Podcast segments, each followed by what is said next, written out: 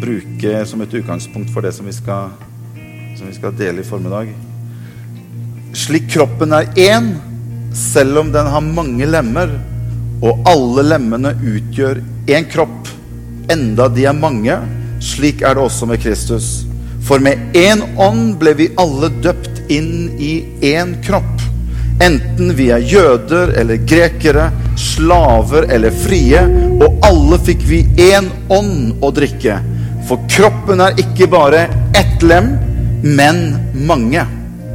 Så vi er mange lemmer, men vi er én kropp.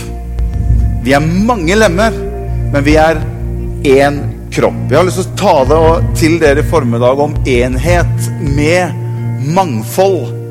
Enhet med mangfold. Vi ber litt. Skal vi gjøre det? Kjære Jesus, jeg takker deg for at du er her i formiddag. Takk for at du har fylt dette stedet med din nærhet, Herre. Og takk for at eh, vi skal få lov til å gå inn i ditt ord i formiddag. Takk for at du skal eh, tale til oss, tale til våre hjerter. At vi kan få lov til å se deg klarere, se ditt ord klarere. Og at vi kan få lov til å være mer effektive i det kall som du har for oss, Herre. Som din forsamling, som din menighet. Og vi ønsker bare å gi deg all ære og all pris. Og alt folket sa. Amen. Vær så god, sitt ned. Si til sinnemannen at du ser bedre ut i dag enn det du gjorde forrige gang jeg så deg i morges. Du ser utrolig bra ut. Ja, det er noen som ler her. Jeg vet ikke hvorfor du ler, men uh, Jeg kom plutselig på at jeg hadde på meg den trådløse her. Jeg var ute, jeg måtte ut en liten rask tur. Det er ikke noen her som hørte noen de ikke skulle ha hørt. Plutselig så ser de her står jo på, vet du. Det er jo enhvers uh, predikant mareritt. Så det var ikke noe, var ikke noe, unormalt, noe unormalt her inne. Nei, ok, det er bra. Godt å se dere alle sammen. Jesus lever.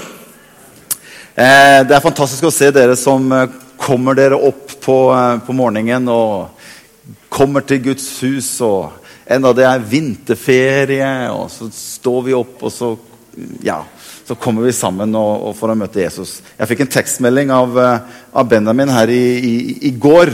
og han, han, sa du kan bare hilse kirka og si at de er veldig godt vant. Sangerne hos oss er her klokken er 6.00. Første møte begynner 08.00. Så når dere begynner møtet, så er vi ferdig med to gudstjenester allerede. Så du kan bare hilse dem og si at de lever et ganske komfortabelt liv der oppe i det kalde nord. Så eh, ja. Så sånn er det. Eh, men eh, han koser seg, og han har det fantastisk bra. Han er i Hillsong i, i, på college nede i Australia. Og skal gå der og være der et, et år, så han har vært borte en, en måneds tid nå. Så han stortrives. Så han sender meg sånne Han sa det, og det var veldig bra. Han, så han, ja, han, har det veldig, veldig bra der nede. Ok, Vi skal dele Guds ord sammen. Eh, jeg har noe på mitt hjerte. Jeg kommer til å være klar, jeg kommer til å være tydelig på det som jeg kommer til å dele med dere i formiddag. Eh, det er noen ganger slik at jeg som, hva skal si, som en pastor eller en forstander eller prest eller vet ikke hva du vil kalle meg, det er noen ganger at, at noen ganger så, så, ligger det litt til min oppgave å være litt klar og tydelig noen ganger. Eh, og, og, det kommer jeg til å være i formiddag. Eh, det skulle egentlig vært smekkefullt her, så vi må legge ut denne talen sånn at alle får tak i og får hørt dette. For dette er viktig inn i oss som kirke. Eh, og jeg har noen ting som jeg ønsker å dele med dere. for meg. Er du klar for å høre Guds ord? Jeg kommer ikke til å preke sånn som jeg gjorde forrige søndag. I dag blir det litt mer undervisning, og jeg har lyst til å, å få deg med i dette her. Ok, for Jeg tror det er viktig å vite hvordan du og jeg skal forholde oss til hverandre når vi er sammen som Kristi kropp, som Kristi legeme her på jord, så tror jeg det er en del ting her som er viktig at du og jeg får vite om hvordan vi skal forholde oss til hverandre som lemmer i Kristi kropp. Først så snakker, denne, så snakker Paulus her i dette skriftet så sier han at slik kroppen er én, selv om den har mange lemmer, og alle lemmene utgjør én kropp, enda de er mange, slik er det også med Kristus. Så sier han, for med én ånd ble vi alle døpt inn. Skal vi se, For med én ånd ble vi alle døpt inn i én kropp. Så hvordan kom du og jeg inn i denne kroppen? Jo, når du og jeg tok imot Jesus, så tok Den hellige ånd, så døpte han oss inn i Kristi legeme. Det er ikke det samme som å bli døpt i Den hellige ånd og tale med tunger. og de tingene der. Dette er en annen overnaturlig dåp. Det er det Den hellige ånd gjør. Når jeg sier ja til Jesus, så tar Den hellige ånd og så døper han oss inn i Kristi legeme. Og vi blir en del av Kristi kropp her nede. Henger du med så langt? Derfor er det sånn at vi gjerne sier til mennesker at de må, de må ta imot Jesus før vi inviterer mennesker til å bli en del av kirken her. For du skjønner, Vi tror ikke at bare det å gå i en kirke gjør deg til en kristen. Like lite som det gjør deg til en bil hvis du går inn i en garasje. Hvis du tok den da istedenfor den, for å liksom legge det litt, sånn, litt enkelt. Oi. Så når vi, Den hellige ånd døper oss inn i Kristi kropp, og vi blir en del av Kristi kropp. Han døper oss inn, og vi får en posisjon i Kristi kropp. Vi får en posisjonell tilstand eller plass i Kristi kropp. Og skjønner, Noen ganger kan det være forskjell på det som har med min posisjon å gjøre, og det som har med min tilstand eller hvordan jeg føler og har det. Det kan noen ganger være kontrast mellom de to tingene. Den bortkomne sønn er det noen av dere som har hørt om. Når han var borte fra faren sin og familien sin Hør, han var fortsatt sønn. Men hans tilstand og hans omgivelse var helt i kontrast med hvordan han egentlig hadde det som en posisjon. Til slutt så var det jo det, han, han lå jo med grisene og spiste av maten som grisene hadde. Men han var fortsatt sønn. Hans posisjon sto i kontrast med hans tilstand og hans omgivelser. Og så står det noe veldig fantastisk. og jeg synes det er så bra. Det står, Da han kom til seg selv, står det. Hva var det som skjedde? Han hadde ikke besvimt. eller noe sånt. Det var ikke det som var liksom, at han kom til seg selv. Nei, Han begynte å skjønne ja, men jeg er jo kalt til noe annet enn dette. Jeg har jo en posisjon som er annerledes enn det jeg befinner meg i nå. Og det var det som gjorde at når hvilken posisjon han var i egentlig, når det begynte å bli gjeldende for han, det var da han tenkte at ja, men jeg kan leve annerledes enn dette. Fordi jeg har egentlig en annen posisjon enn det jeg er midt oppi nå. Og det brakte han tilbake. Det fikk han på rett kurs igjen. Det samme er med oss. Hvis du og jeg ønsker å forandre våre omgivelser, den tilstand som du og jeg er i, så må du og jeg vi må vite hvem vi er i Kristus Jesus. Vi må vite at vi er kalt, vi er satt i Kristus. Han har døpt oss inn i sitt legeme. Han har posisjonert seg inn i hans legeme. Og ikke bare det, han, han har satt oss i himmelen. Vi sitter ved Faderens høyre hånd i himmelen i Kristus Jesus. Der har han posisjonert deg. Og det er det som er viktig for deg og meg å vite. Hvilken posisjon har jeg? Jo, han har posisjonert deg. Den hellige ånd har døpt deg inn i sitt legeme og posisjonert deg der. Det som er utfordringen noen ganger med det, det er at når jeg blir døpt inn i hans legeme, så blir min ånd den blir fornyet. Jeg får en fullkommen ånd som er født på ny, og som er klar for himmelen. Det som skjer i tillegg, det er at du og jeg vi drar litt vår individualistiske holdning inn sammen med oss når vi kommer inn i, inn i legemet. Og kanskje det fellesskapet som vi er en del av, samfunnet som vi er en del av her, er jo veldig individualistisk. Det vil si at du og jeg, vi alle sammen, har en, kanskje en, en, sterk individualistisk form for holdning, tanke, og vi har en veldig jeg-kultur. Sånn at jeg drar med meg disse tingene inn, og så skal det prøve å, å, å liksom falle sammen med de andre også, som blir, som, som blir døpt inn i legemet, sammen med sin individualistiske natur. Og det er her det blir utfordring. Skjønner du hvor jeg vil henne? Og jeg tror at du og jeg er nødt til å begynne å tenke på at det handler ikke i første omgang om deg. Det handler ikke i første omgang om meg. Vi kommer ikke hit til kirken hver søndag slik at vi kan Så jeg kan liksom fete dere opp for bare å bli liksom, få en følelse av ja, det var et godt møte på søndag. Og det var en god tale, og det var bra lovsang. Og det var liksom Å, nå føler jeg meg Å, nå, nå er jeg enda håper å si, nå er jeg enda mer oppblåst som kristen enn da jeg kom forrige søndag. Det handler ikke om det i første omgang. Hvis det er DNA-et vårt i menighet, så kommer vi til å miste det Gud har kalt oss til. For det handler ikke om deg og meg, men det handler om de andre. Jeg preker til dere her på søndag formiddag, slik at dere kan gå ut og være lys og salt og være det som vi preker og forkynner, til andre mennesker. Derfor så handler det ikke om deg, men det handler om de som Gud ønsker å nå gjennom deg. Og da tror jeg vi kan komme med en litt annen måte å tenke på. For da blir det ikke meg og jeg har opplevd, og jeg ønsker, og jeg vil, og jeg må jo få lov til, og jeg opplever at det er sånn, og jeg og jeg Vi har en sånn meg-tendens inni kirka. Hvis alle lemmene i en kirke er bare meg, det vil jo aldri bli noe ut av det. Kan jeg ikke få fem stykker? Ja, Var det noen som sa ammen her? Ja, så flott! Tusen hjertelig takk! Kan jeg ikke få fem stykker opp her? Én, to, tre, fire Synnøve fem. Opp hit. Kom an! Jeg, jeg, det er ikke valg, eh, valgdag.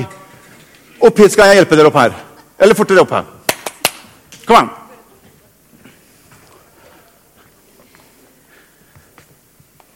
Henger dere med? Stå her. Så står dere i ring alle dere fem her. Stå i ring. I ring, ja. Se her. Dette bildet her tenker jeg er veldig typisk en måte vi tenker menighet på. Det handler om meg inn Hvis du tenker at menigheten er i sentrum her, så står ofte vi som er en del av kirken med ansiktet vårt vendt innover i kirken. Og Hvis det er utgangspunktet når jeg er med i en kirke, så vil jeg ha en veldig behov for at det som er her inne, må på en måte, det må gi meg noe. Jeg må bli oppbygd. Jeg må kjenne på. Jeg må oppleve. Jeg må erfare. Og det er for så vidt flott. Men skjønner, det fins en tanke i dette med å bygge kirke som er mye større og sterkere. Som det er det egentlig han har kalt oss til. Hvis dere snur dere nå, og så tar dere hverandre i, i liksom Se her, ja.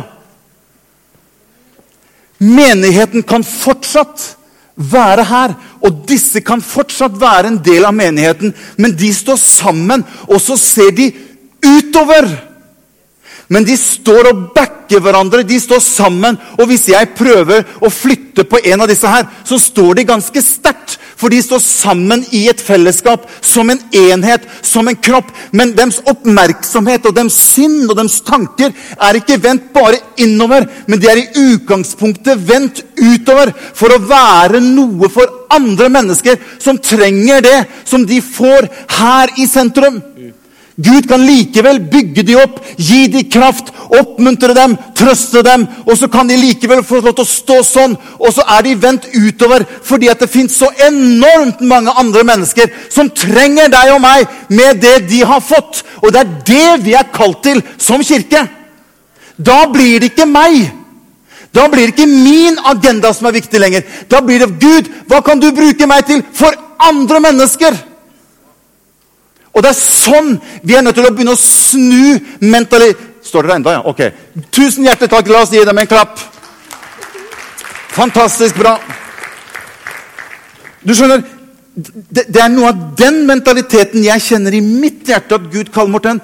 Kirken sin, sin mentalitet må bli mindre innover, men den må bli mer utover.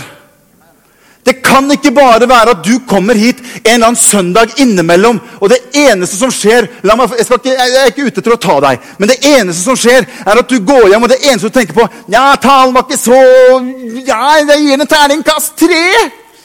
Ja, Lovsangen var vel på en tre-fire i dag. Og det er det ene. Tror du at Gud har døpt deg inn i hans legeme for at du og jeg skal gå på en gudstjeneste innimellom og bare evaluere det som skjedde der? Han har kalt deg til noe mer!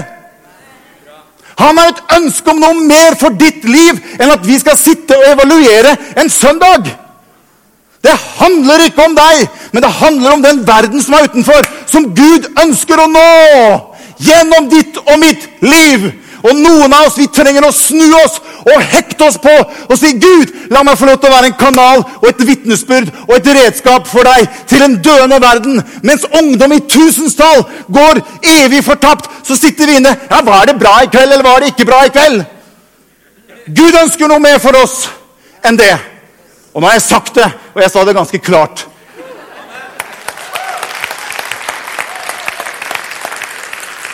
Hør! Hør! Paulus han beskriver det på den måten. Gå sammen med meg til 1. Peter kapittel 2. Der sier Paulus nåla. Han, han, han forklarer det på en litt annen måte. 1. Peter kapittel 2. Se hvordan Paulus forklarer dette her. Når dere kommer til ham som er den levende stein, som ble forkastet av mennesker, men er utvalgt av Gud og dyrebar, da blir også dere som Hør! Levende steiner. Hva er det som står videre? Bygd opp til et åndelig hus. Et hellig presteskap til å bære frem åndelig offer som er til behag for Gud ved Jesus Kristus. Så Paulus han snakker om at du og jeg er et lem, men vi har også steiner. Men han sier vi er ikke bare stener, men vi er levende stener. Og skjønner, Pinsekirken her Jeg ønsker ikke å bare å samle steiner i ei steinrøys. Ja, Hvor mange steiner har du, da? Ja, Vi er vel en 300 steiner, tenker jeg. Du, da? Ja, vi er eh, 600 steiner. Vi samler ikke steiner. Hvis formålet er bare å samle steiner i en haug Det har ingen funksjon. Det er derfor Paulus snakker, snakker at vi skal være levende steiner som bygges opp. Det vil si at når jeg blir døpt inn i hans legeme, så kan han få lov til å ta meg som en stein. Og en murmester han vet at noen ganger så må, ta, må han ta en stein, og så må han kutte litt av det hjørnet. Og så må han bare meisle litt der og forme litt der, slik at det formes sammen med de andre. Og vi bygger opp en mur som står sammen i fellesskap, som støtter hverandre, og som har en helt annen funksjon enn at vi bare samler mest mulig steiner. Det har ingen funksjon. Det er derfor noen ganger så må, ja, så må, man være litt tydelig. Og det er det en ordentlig kirke skal være. Den skal være slik i sin natur at den har noe i seg som gjør at kanskje noe av den der individualistiske holdningen som du og jeg er så besmittet av, at kanskje noen ganger så må liksom noen eh, Kanskje du blir litt for hard der. Ja, kanskje du, og hør, Veldig mange sterke individualistiske mennesker har et problem med å flyte sammen sammen med andre i Guds rike. Og de blir stående på utsiden fordi at de har et problem selv med å være i fellesskap med andre.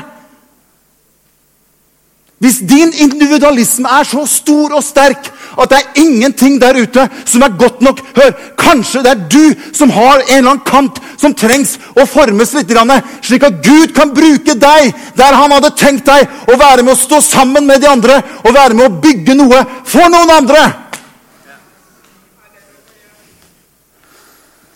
Kjenner jeg engasjert her? Du verden. Og jeg har sagt her Jeg har sagt her Det spiller ingen rolle hvor god du er alene. Vi er bedre sammen enn hver for oss. Det spiller ingen rolle hvor god du er. Om du er superwoman eller superman. Det spiller ingen rolle. Du trenger andre mennesker. Når jeg står her og taler, så er jeg helt avhengig av massevis av mennesker som også gjør sin del av sine oppgaver for å få det til, slik at jeg kan stå her og gi Guds ord til deg. Tidlig på morgenen tidlig, ja, tidlig, så er det noen som står oppe og som begynner å hente hengeren som skal kjøres hit med utstyr.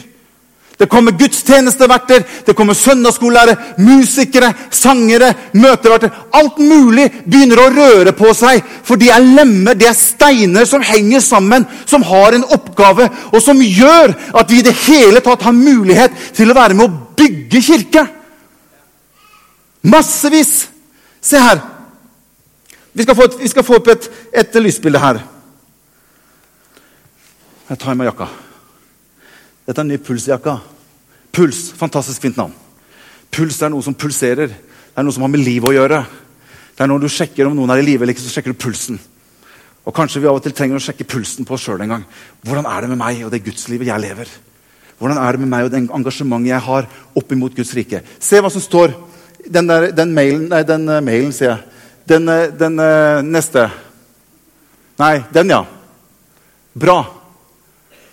Vi har Bare, vi, jeg, jeg, nevnte dette her for alle medarbeiderne våre.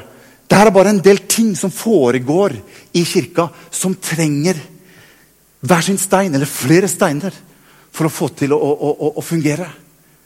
Massevis av folk i kirka hos oss som er engasjert. Se alt det der.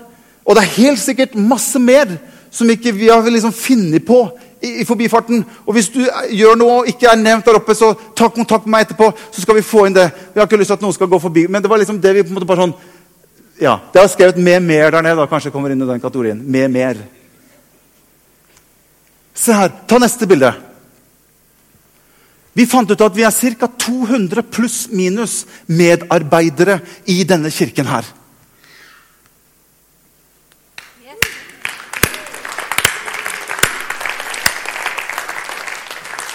Jeg er sikker på at en del av dere er det. Så vi klapper litt for oss sjøl. Det er et fantastisk engasjement i denne kirka her. Massevis av mennesker som er med og gjør en innsats for å være med å bygge. Problemet vi har gjort for oss sjøl, det er at vi har fremhevet noen stener veldig mye mer enn andre. Og, frem, og glorifisert noen av steinene så mye mer. Se på den steinen, dere. Og jeg ønsker å være en sånn stein. Tenk om jeg, jeg vil heller være en sånn stein. Det er en tankegang i Guds rike som, som er ikke-eksisterende. Fordi Det er derfor Paulus sammenligner oss med en kropp. Du vet at Hvis, hvis, hvis hjertet mitt skulle begynne å si liksom til, til, til, munnen min at hvis ikke du nå begynner å pumpe litt blod, som jeg gjør, ja, så gidder ikke jeg å pumpe blod mer. Eller munnen skal si til hjertet at hvis ikke du begynner å tygge litt mat, du også, så bare Jeg, jeg, jeg kommer ikke til å tygge et eneste matbit før du begynner å hjelpe meg å tygge. Har du hørt en kropp som fungerer slik? Men sånn har vi gjort det i Guds rike og i menighetssammenheng. Fordi vi har begynt å sette steiner opp imot hverandre. Og så begynner vi å se at ja, den steinen, den ser fin ut. Sånn vil jeg være. Hør, det er viktig at du og jeg kommer inn i den tjeneste og den oppgave. For det er enheten i det vi holder på med. Det er det som bringer resultat. Og vi er alle avhengige av hverandre. Og når min kropp, når alt dette henger sammen, så fungerer den ganske greit. Men jeg har aldri hørt at foten min har sagt til høyrearmen at nå gidder jeg ikke gå et steg til før du begynner å hjelpe meg litt her nede. Det er sånn kroppen fungerer. Alle er linket på hverandre. Og når de er linket på hverandre, så kan de gjøre mye mer sammen. Henger du med? Og jeg har lyst til å spørre deg hva gjør du? Hva gjør du? Hva er din oppgave? Hvor mye bidrar du inn i det å bygge Guds rike. Nå ble det stille her. Jeg har lyst til å utfordre deg, for jeg føler Gud sier til meg Utfordr folket! Gud har en tanke for deg. Ikke at du bare skal gå og bare fylle på mat selv. Men Gud har en tanke for ditt liv. Han har døpt deg inn i sitt legeme. Og Det er dette som er utfordringen for Esekiel når han kommer til den dalen som er fullt av tørre ben. Noen av dere som er bibelsprengte, dere har lest det. Jeg tror vi har et skriftsted på det også. Har vi ikke det, Nishan? Nei, først, først, skal vi ta Salme 116, vers 12. Unnskyld. Salme 116, vers 12. For Det er noe med at du og jeg begynner å se hva han har kalt oss til. At jeg tar det initiativet inn over meg. Jeg kan bli sittende sittende fast i en slags form for ingenmannsland år ut og år inn og uten å gjøre og hør, Men jeg tror ikke Gud har behag i at du blir sittende passiv år ut og år inn og aldri er med og bidrar. For jeg, Gud har kalt deg til det. Og hør, jeg har, sagt det, jeg har sagt det så mange ganger, og jeg kommer til å si det til min dødsdag. Veien til din tjeneste, til ditt kall, går alltid gjennom hans forsamling. Hvis du vil komme inn i hva Gud har kalt deg til, koble deg på.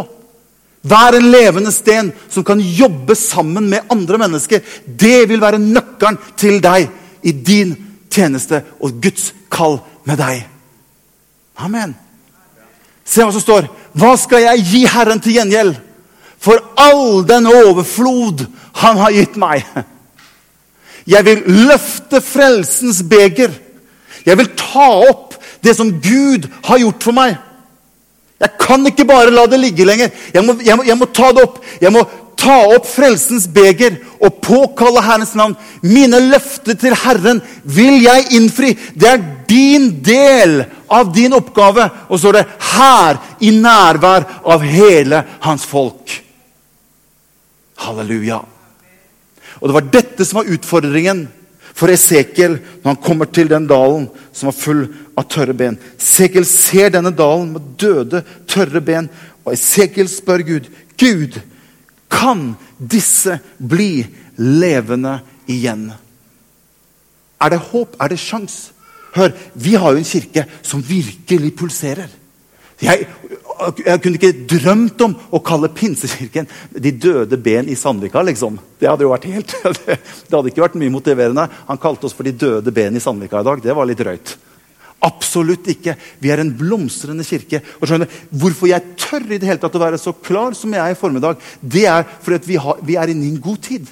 Det er noen ganger at du må preke ting i gode tider. For hvis du preker det i dårlige tider, så kan det slå helt feil. Amen. Først så samlet de inn grøden i syv år. Hvorfor? Jo, for at de skulle ha mat når de syv magre år kom.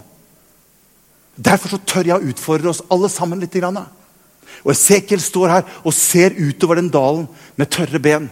Og så sier han, kan disse ben komme til live igjen? Og det er da det står fra vers 7 i kapittel 37. Jeg talte profetord slik jeg hadde fått påbud om.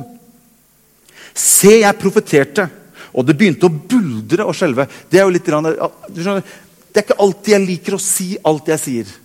Beklager dere. Det er ikke alltid jeg syns det er komfortabelt å stå og være litt klar fra denne talerstolen. Kanskje det buldrer og spraker litt.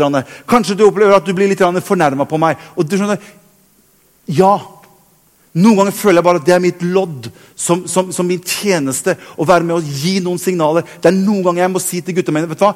Nå må dere skjerpe dere, gutter. Nå går dere ut og måker den snøen nå! Ja, Sånn er det hjemme hos oss, da. Henger du med? Jeg begynte å tale profetord slik jeg hadde fått påbud om. Se, jeg profeterte, og det begynte å buldre og skjelve. Og så er det Og knoklene! Ser du det?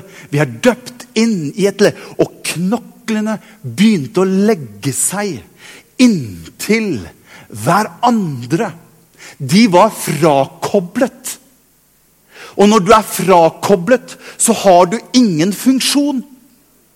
Kroppen fungerer ikke, for du er frakoblet. Men når knoklene begynte å legge seg inntil hverandre, så begynte liv fra Gud å strømme. Og hele den armeen fikk kjøtt og ben på seg, og den reiste seg opp. Og den ble en mektig armé.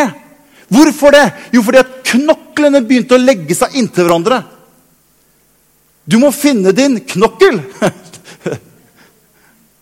Amen. Hadde Anette vært der, så hadde sagt at du er min knokkel. Jeg har funnet knokkelen i mitt liv. ser, ser, ser, du bildet? Halleluja. Og jeg profeterer over Pinsekirken i Sandvika at dette skal være et sted hvor vi bygger levende steiner som formes til hverandre for å være med å gjøre en forskjell. Vi har en jobb å gjøre, dere. Tiden går. Vi må begynne å snu oss fra å være innadvendt til å være utadvendt som kirke. Og begynne å se alt det behovet som er rundt oss, i mye større grad. Og hør, vi trenger deg. Hvis ikke du har meldt deg på enda, fort deg og gjør det. Finn din plass. Vær med å si 'Hva kan jeg få lov til å gjøre?' Hva kan jeg få lov til å være med å bidra med? Jeg har lyst også å være med og bidra i Guds rike. Meld deg på. Ikke vær frakoblet lenger. Halleluja. Efeserbrevet kapittel 4 vers 11 til slutt. Og han ga noen til å være apostler, noen til profeter, noen til evangelister, noen til hyrder og lærere, for at de hellige skulle bli utrustet til tjenestens arbeid, til oppbyggelse av Kristi kropp. For å ta min tjeneste som pastor. Skjønner, Gud ga ikke dere for min del. Hvis han ga dere for min del, så ville jo dere, så ville jo jeg ha vært mye viktigere enn dere. Men han ga meg for deres del. Min tjeneste er til for dere. Derfor så vil jeg si tjeneste i kirken det foregår ikke her oppe. Fikk, skal jeg si det en gang til? Tjeneste i kirke foregår ikke her. Jeg er en gave til deg. Tjeneste i kirke foregår ut ifra benkeradene og ut. Tjeneste i en kirke foregår ifra benkeradene og ut. Mandag, tirsdag, onsdag, torsdag, fredag, lørdag og søndag. Og så kommer vi tilbake hit og feirer Jesus, og jeg kan få lov til, og menigheten kan få lov til å være med og inspirere deg på nytt igjen, slik at tjenesten på nytt går ut. Det er tjeneste, og det er slik en kirke må fungere. Hvis tjenesten er bare at man kommer hit for å støtte meg, det har ingen funksjon i seg selv. Det er hyggelig å se deg, men jeg tror Gud har kalt oss til noe mer. Han har kalt oss til å vinne en verden som går fortapt.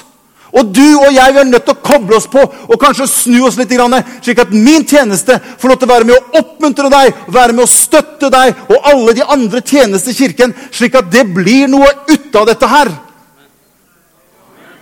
Amen. Vil du være med? Halleluja. Den, skal høre, den talen her skal jeg høre sjøl når jeg kommer hjem. Halleluja. Halleluja. Skjønner, Guds ånd er virksom i denne kirken. her. Det er ikke sikkert, Jeg tror vi er altfor dårlige til å melde fra scenen her ting som skjer. Og det, og, det, og det skal vi gjøre noe med. Du skal få lov til å høre vitnesbyrd om hva Gud gjør i menneskers liv. Gud virker i kirken. Gud virker blant ungdommen. Bare se hva som skjer i ungdomsmiljøet. Det skjer ting. Men ikke for at vi skal kose oss og oppleve en ny søndag som var fin.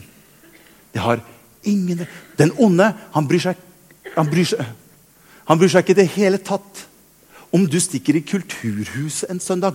Og nå drar han i Kulturhuset, og nå blir jeg redd. Nei. Han sier du må bare dra i Kulturhuset så mye du vil for meg. Men hvis du kommer ut av Kulturhuset, hvor er han? Da begynner det å skje noe. Hvis du kommer ut herfra igjen, gira opp, på å begynne å gå inn på fiendens område og ta tilbake noe av det han har tatt ifra oss, da begynner det å bli virkelig spennende. Og det er det vi er kalt til.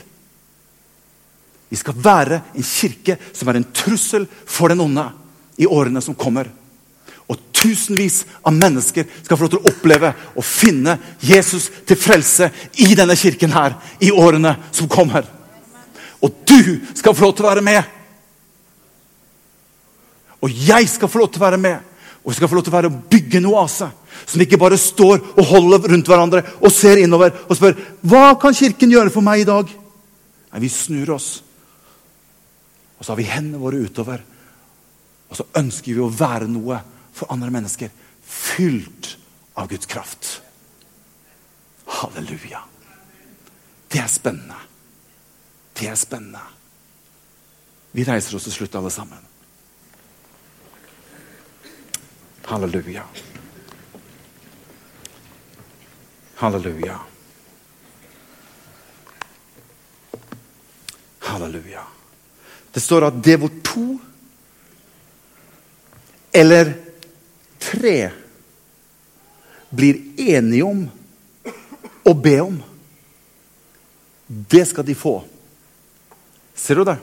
Det hvor Er det én det står? Nei, det hvor to eller tre eller fire eller Det har noe med Når du går sammen med de andre lemmene, så skjer det noe.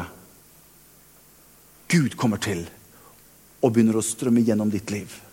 Jeg har lyst til at vi skal lukke øynene våre alle sammen. Så kan du få lov til å stå litt innenfor Gud. Og Jeg har bare lyst til å utfordre deg litt ut ifra det som, som jeg har preket i formiddag. David han var såpass ærlig med seg sjøl at han sa, 'Herre, ransak mitt hjerte'. Herre, ransak mitt hjerte. Herre, jeg har så lett for å ransake alle andres hjerter og andres motiver og andres måter å gjøre ting på. andres måter og. Men Herre, nå vil jeg at du skal ransake mitt hjerte. Og se, Herre, om jeg er på den rette vei. Det må vi tørre, dere. Jeg har lyst til å utfordre deg. Bli med. Ikke vent. Dere som er foreldre, engasjer deg. La barna dine se at du er engasjert, at ikke du er frakoblet. Hvis du er frakoblet, så er det så større, mye større sjanse for at barna dine blir frakoblet. Hvis du er koblet på, så har du et forbilde i ditt eget hjem. At jeg og mitt hus, vi vil tjene Herren. Far, jeg ber deg for hver eneste en her. Jeg ønsker å be deg, Herre, om at du hjelper oss på veien videre, Herre. Som kirke, som menighet. Vi ønsker å være et redskap Herre, for deg i den tiden som vi lever i. Herre. Vi ønsker at du skal gjøre oss effektive, kraftfulle, påvirkende Herre, på det samfunnet og det sted som du har plassert oss, Herre.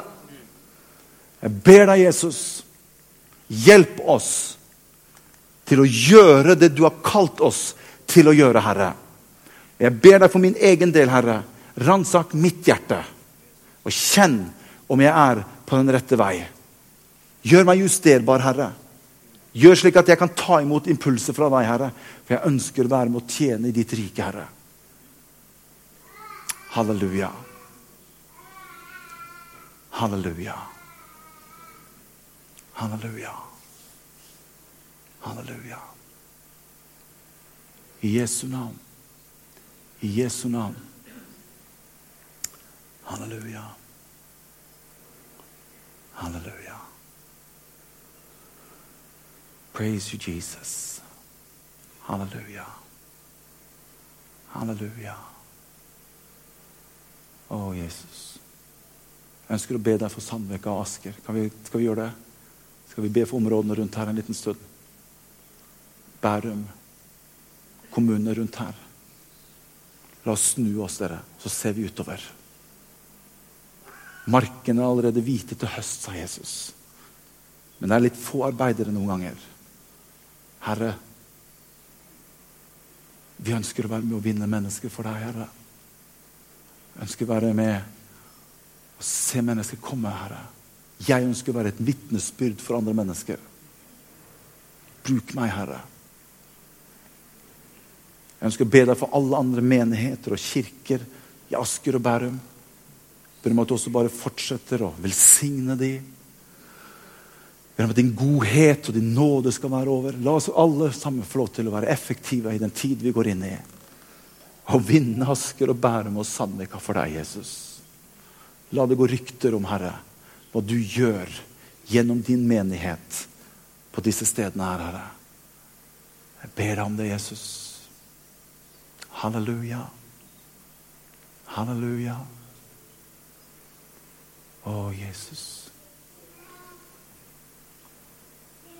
Å, Jesus. Halleluja. Halleluja. Å, Jesus. Praise you, Jesus. Halleluja. Amen. Gud velsigne dere alle sammen.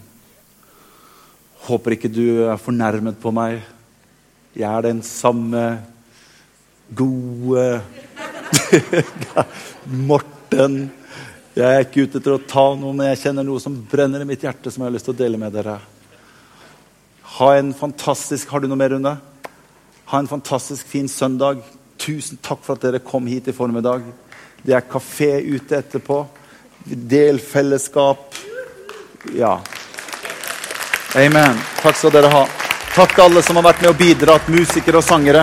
Det er bare én kirke i hele Norge som har en sånn lovsang en søndag formiddag midt i vinterferien, og det er i Pinsekirken i Sandvika. Det skal jeg bare si deg.